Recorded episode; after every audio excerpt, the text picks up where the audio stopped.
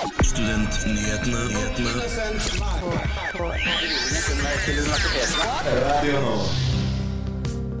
Venstrealliansen vant studentparlamentsvalget ved UiO. Studentnyhetene snakket med lederen rett etter seieren.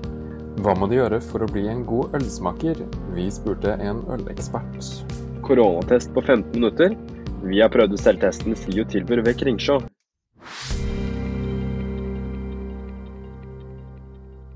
Hei og velkommen til Studentnyhetene her på Radio Nova. Her i studio så er det meg, Stig-Gøran Skogvang, og Henrik Pedersen. Og vi skal lede dere gjennom ukas viktigste nyheter for alle dere studenter. Men først så er det ukas nyhetsoppdatering.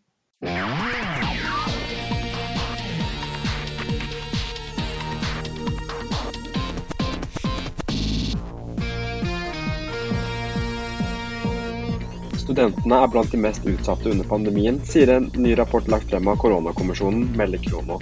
I rapporten som ble lagt frem onsdag, melder kommisjonen om en ekstra stor bekymring for førsteårsstudentene under pandemien. Det er særlig grunn til bekymring for studenter som startet utdanningen sin høsten 2020, med sterkt begrenset mulighet til å bli en del av et studentmiljø. I dag starter første fase av gjenåpningen i samfunnet. Dvs. Si at man da kan igjen begynne med fysiske forelesninger, men dessverre ikke i Oslo. Under pressekonferansen i Oslo onsdag kunne byrådsleder Raimond Johansen fortelle at Oslo ville henge etter gjenåpningen av samfunnet. Vi har et for høyt smittetrykk og for mange innlagte, forteller han. SIO har for første gang på 30 år ansatt en ny administrerende direktør, melder Universitas. Andreas Berggren Eskelund overtar stillingen fra tidligere administrerende direktør Lisbeth Dyrhaug, som nå går av med pensjon. Det var ukens nyhetsoppdatering, og mitt navn er Henrik Pedersen.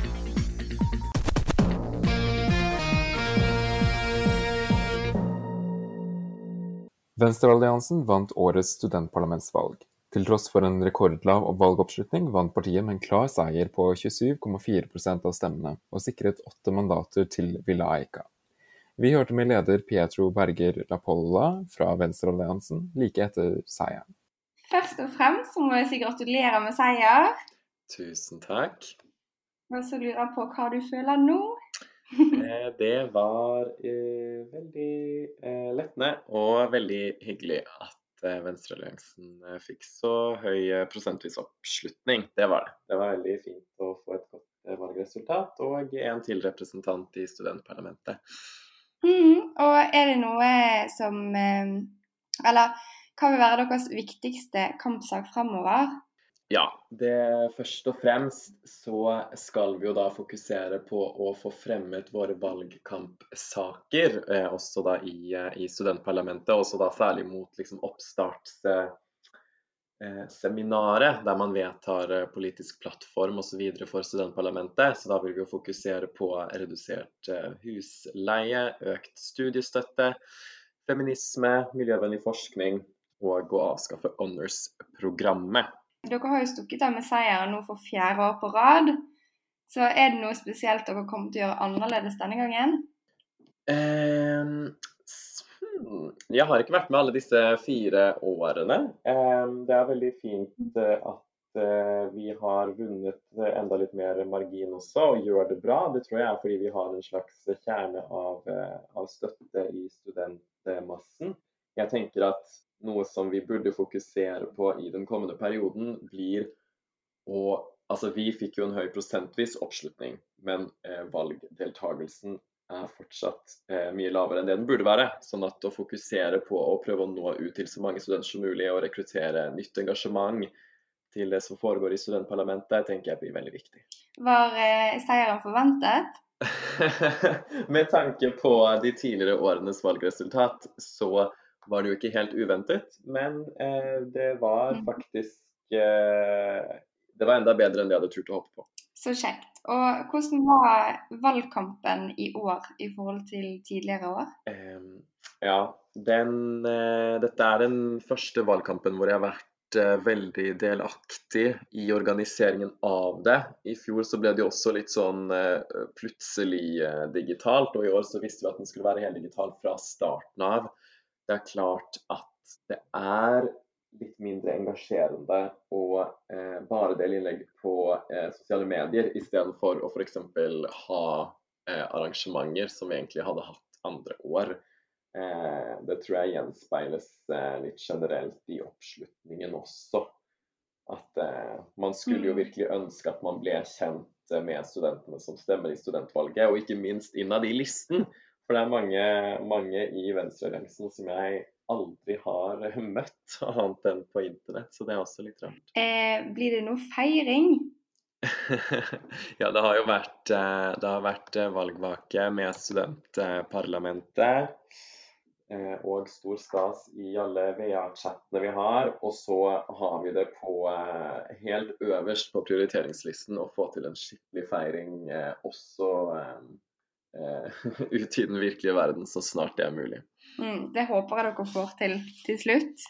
Eh, og så jeg hadde ett til spørsmål her som jeg glemte å stille. Men eh, hva tror du gjør, gjorde at dere har gått av med seieren igjen?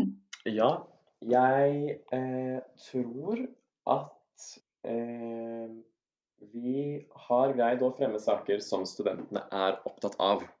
Rett og slett. Det tror jeg er den viktigste faktoren. Nei, ja, jeg tror at studentene er opptatt av bedre studentvelferd, og at man definitivt har kjent på det ekstra mye i, i det året som har vært. Mm.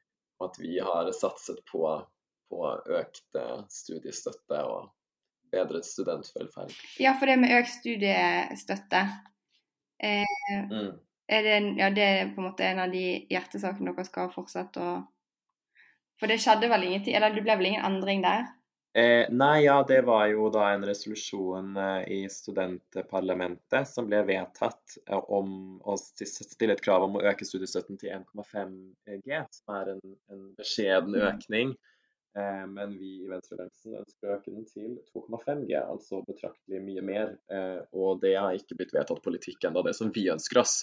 Så det skal vi definitivt jobbe videre med i den kommende perioden. Da ønsker jeg deg lykke til. Takk skal du ha. Der hørte du leder av Venstrealliansen, Pietro Berger Lapola.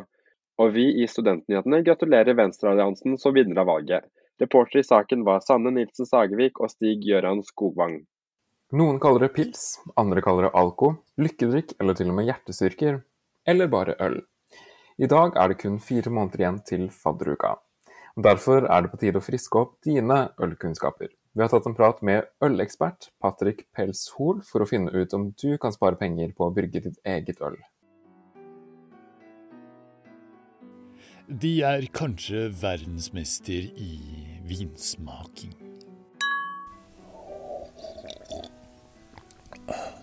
Men de er ikke i en ekte kar, før du vet forskjellen på en IPA og en Weissbier. Nå, Patrick Pelsolen, du har utdannet deg i yrket ølkelner i det som tidligere het Norsk vinfagskole. Hvordan er det å utdanne seg innen øl? Det starter jo liksom med å lære seg de ulike ølstilene, eh, og hvordan ingrediensene og produksjonsmåten fører til at du får ulike ølstiler. Og så er det rett og slett å vite forskjellen på disse ølstilene, og matkombinasjoner som passer til de ulike ølstilene. Ja, dypdykking, dypdykking i historie og hvor disse ølstilene har sitt opphav fra. På søndag er det årets landsmøte i ølbrygging, men bør man egentlig brygge sitt eget øl? Altså, En side her er jo kostnadsbildet. Det er mye billigere å lage sitt eget øl. Du kjøper ingrediensene, og så lager du det, så du må ikke betale noe alkoholskatt i staten. På den andre siden så er det det at du får utforska smaker som du selv liker. Du får testa litt ulike ingredienser. Det er bare en vanvittig gøy hobby, da. Det jeg tror også kanskje holder noen tilbake, er det at eh, det virker veldig dyrt å komme i gang med denne hobbyen. Så jeg vil egentlig bare skyte inn her at eh, man trenger ikke det mest fancy utstyret til å begynne med. Start med en stor kjele og noe basic utstyr fra disse bryggebutikkene, og så, så kommer man i gang. Det er en veldig morsom hobby, og så fort du begynner med det, så møter du mange andre som driver med det samme, og så har man det gående. Og så kjøper man bare mer og mer utstyr. Hvor mye alkohol må en drikke for at det faktisk lønner seg å brygge selv?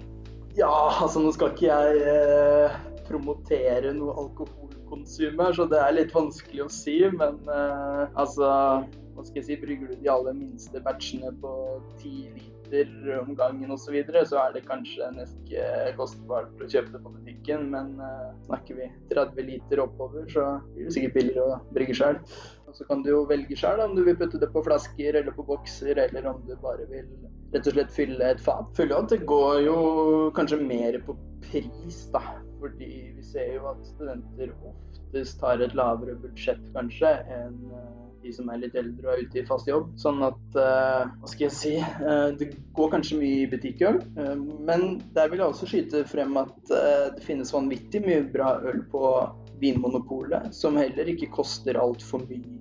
Det jeg ser er også det at flere og flere studenter nå er villige til å prøve nye ølstiler osv. Det er jo god drahjelp fra disse store norske bryggeriene som har begynt å produsere IPA og disse håndverksølstilene og lansere de i butikk. Flere av disse mango-IPA-ene som er i butikk nå, har jo blitt eh, storselgere blant eh, studenter, vet jeg. Hva er det som skal til for at jeg kan lage et øl med like høy kvalitet som de de kjøper på butikken? Det kommer jo liksom igjen an på hvor flink du er med rensligheten, for det første. Sånn at du unngår alle ølfeil. Det, vel, altså, det skal nesten være sykehusstandard på hvor rent det skal være når du, når du brygger et øl. Unngår man å lage noen klassiske ølfeil, og man klarer å følge en oppskrift, så, så er det ikke noe i veien for at du, du, kan lage et hjemmebrygga øl som er minst like godt som det du får tak i på butikken. Altså. Det er bare å prøve. Er det farlig å drikke hjemmelaget øl? Det er ikke noe helserisiko med å drikke hjemmebrygga øl. Det er det ikke. Annet enn at du blir alkoholforgifta ved at du får i deg for mye alkohol, rett og slett. Hva tenker du om alkoholfritt øl? Jeg tror folk bare må oppdage at det finnes vanvittig mye bra alkoholfritt øl på markedet nå. Vi ser at flere og flere av disse butikkjedene satser på det her også. Bare, bare oppdage at det, det kommer mer og mer. For å få slutt på drikkepresset mener Patrick at folk må slutte å bry seg om hva andre drikker. Jeg føler at man i dag er nødt til å ha en, en, grunn for å drikke alkoholfritt. Er det ikke en grunn nok i seg selv å prøve å ville leve et sunt liv, tenker jeg da. Et uh, litt morsomt spørsmål. Kan du nevne alle ølmerkene du kan? Nei, det kan jeg ikke, for det er uh, antakeligvis tett opp mot 1000 ulike ølmerker. Og ikke alt eksisterer engang i dag, for å si det sånn. Så ja. Hvordan kan jeg analysere en øl? For min del så ser jeg jo først på ølstilen. Altså jeg eh, vurderer alltid en IPA opp mot andre IPA-er jeg har smakt. Så er det rett og slett å starte med å grave nesa ned i ølet og dra fram hvor, hvordan aromaen er. Og aromabildet. Og så til slutt så har man også denne ettersmaken etter man har svelget ølet, da, som også er en del av det totale bildet. da. Hva er da forskjellen på ølsmaking og vinsmaking? Det er faktisk mye det samme. Altså, mange sier jo det at man må svelge et øl for å kunne måte, få hele bildet, fordi bitterheten sitter bak på tunga. Hvis du også skal drikke 20 øl en kveld for å smake 20 øl, så er det dumt å ikke en boks eller en flaske av 20 forskjellige øl. Da husker man jo ikke til slutt hva man smaker. Patrick har dette å si til de som kaller en øl for en øl.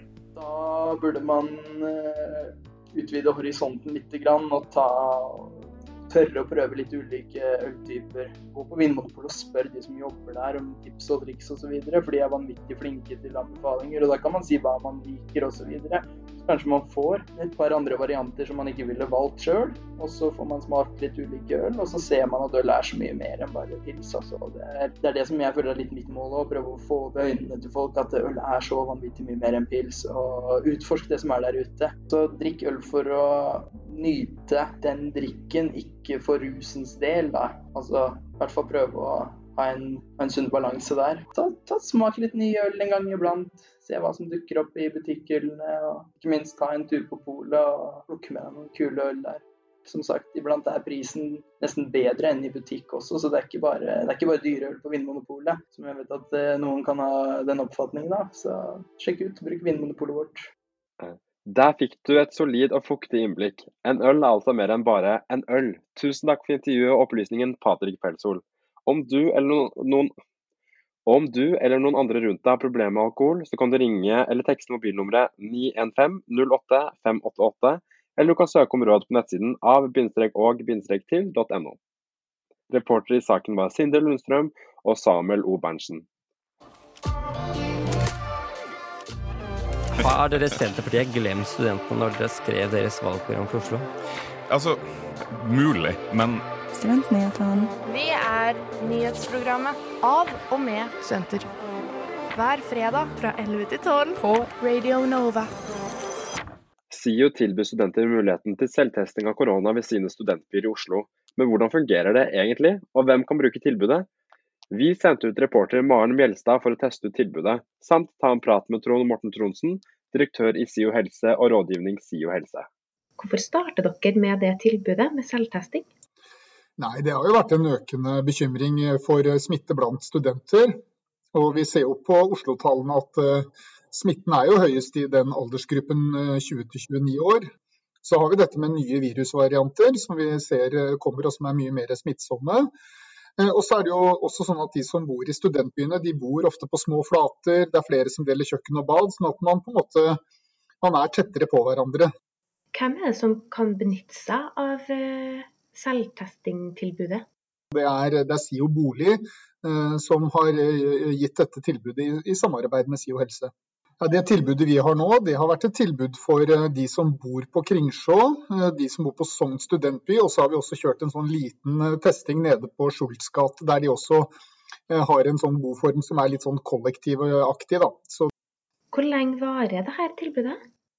Ja, Sånn som vi kjører nå, så vi, har vi planlagt for å, kjøre i hvert fall ut april oppe på, på studentbyene med selvtestingen. Og så snakket jeg med Helsedirektoratet i dag, så vi får nå tilgang til tester fremover, sånn som det, det ser ut. Så vårt mål er vel å, å holde testing fremover mot sommeren. Hvor sikker er den eh, selvtesteren sammenlignet med den originale koronatesten? Altså Selvtesten er veldig god, og så leser man jo litt sånn som skrives i media om at uh, det, det, halvparten av de som hadde tatt hurtigtest, uh, fikk ikke påvist uh, smitte, altså det man kaller falsk negativ. Det som vi vet om, om hurtigtester og PCR-tester, er at begge testene har fordeler og ulemper. Fordelen med hurtigtesten er at man får et veldig raskt svar. Men så trenger man å ha litt mer smitte i, kroppen for at testen skal fange det opp. Samtidig så henger jo det sammen med at man går over i en fase der man også er mer smittsom for andre. Så det kombinert med at man får et veldig raskt svar, det gjør at disse hurtigtestene er veldig gode. Mm. Tusen takk skal du ha. Ok, da sitter jeg i mitt eh, tolv kvadrat rom eh, på Kringsjå med mm, selvtesten. Da har jeg gått inn på en sånn eh, hjelpevideo som SIO har. Så jeg vaska hendene mine. De sa jeg skulle gjøre det. Og så er det en sånn deilig lang q-tips som kanskje noen kjenner igjen fra den vanlige mm, koronatesten. To centimeter opp, fem ganger i hvert nesebor. Én, to, tre, fire, fem. Én, to, tre, fire, fem. Og da har jeg jo smugkikka litt på den videoen, så da vet jeg at da skal jeg putte det her oppi en beholder med litt vann. Og rør den litt rundt her. Nå skal jeg nå dryppe det vannet oppi den beholderen der jeg har putta q-tipsen, på ja, en slags plate. Og da er det bare å sette på timer på 15 minutter. Og så får vi krysse fingrene for at det er negativt. Ok, da har 15 minutter gått. Vi har én rød strek, som betyr at den er negativ. Så ja, fort gjort. Litt mer enn 15 minutter. Så skal jeg ta og um, registrere svaret på helsenorge.no. Så deilig å få vite om du er koronafri på 15 minutter. Reporter i saken det var Maren Mjelstad og Henrik Pedersen. Helgen starter med et eh, helt OK vær med 12 grader på toppen og sol bak en sky store deler av dagen.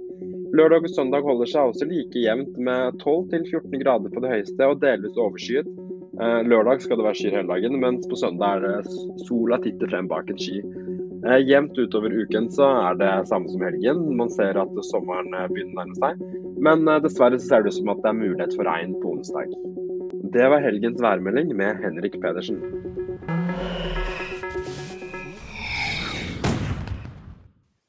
Har du tatt uh, sånn selvtest, Henrik? Nei, du, jeg har ikke fått muligheten til å gjøre det helt enda. Uh, men jeg, det frister jo nå, da. Nå som det bare tar et kvarter istedenfor opptil to dager. Uh, har du tatt den? Ja, jeg bor faktisk på, her på Kringsjå, så det er jo, det er jo superenkelt. Og det er et veldig bra tilbud av uh, SIO, så veldig glad for at det er der. Så håper at det kan være mer tilgjengelig for uh, flere folk fremover. Deilig. Så det var egentlig det som vi rakk i eh, dagens sending av Studentnyhetene. Eh, takk for at du hørte på ukas sending. Du kan gjerne følge oss på sosiale medier. Vi heter eh, Studentnyhetene der også. Eh, det har i dag vært eh, meg, Stig Gøran Skogvang, her i studio, og Henrik Pedersen. eh, takk for i dag, og god helg. Takk for i dag.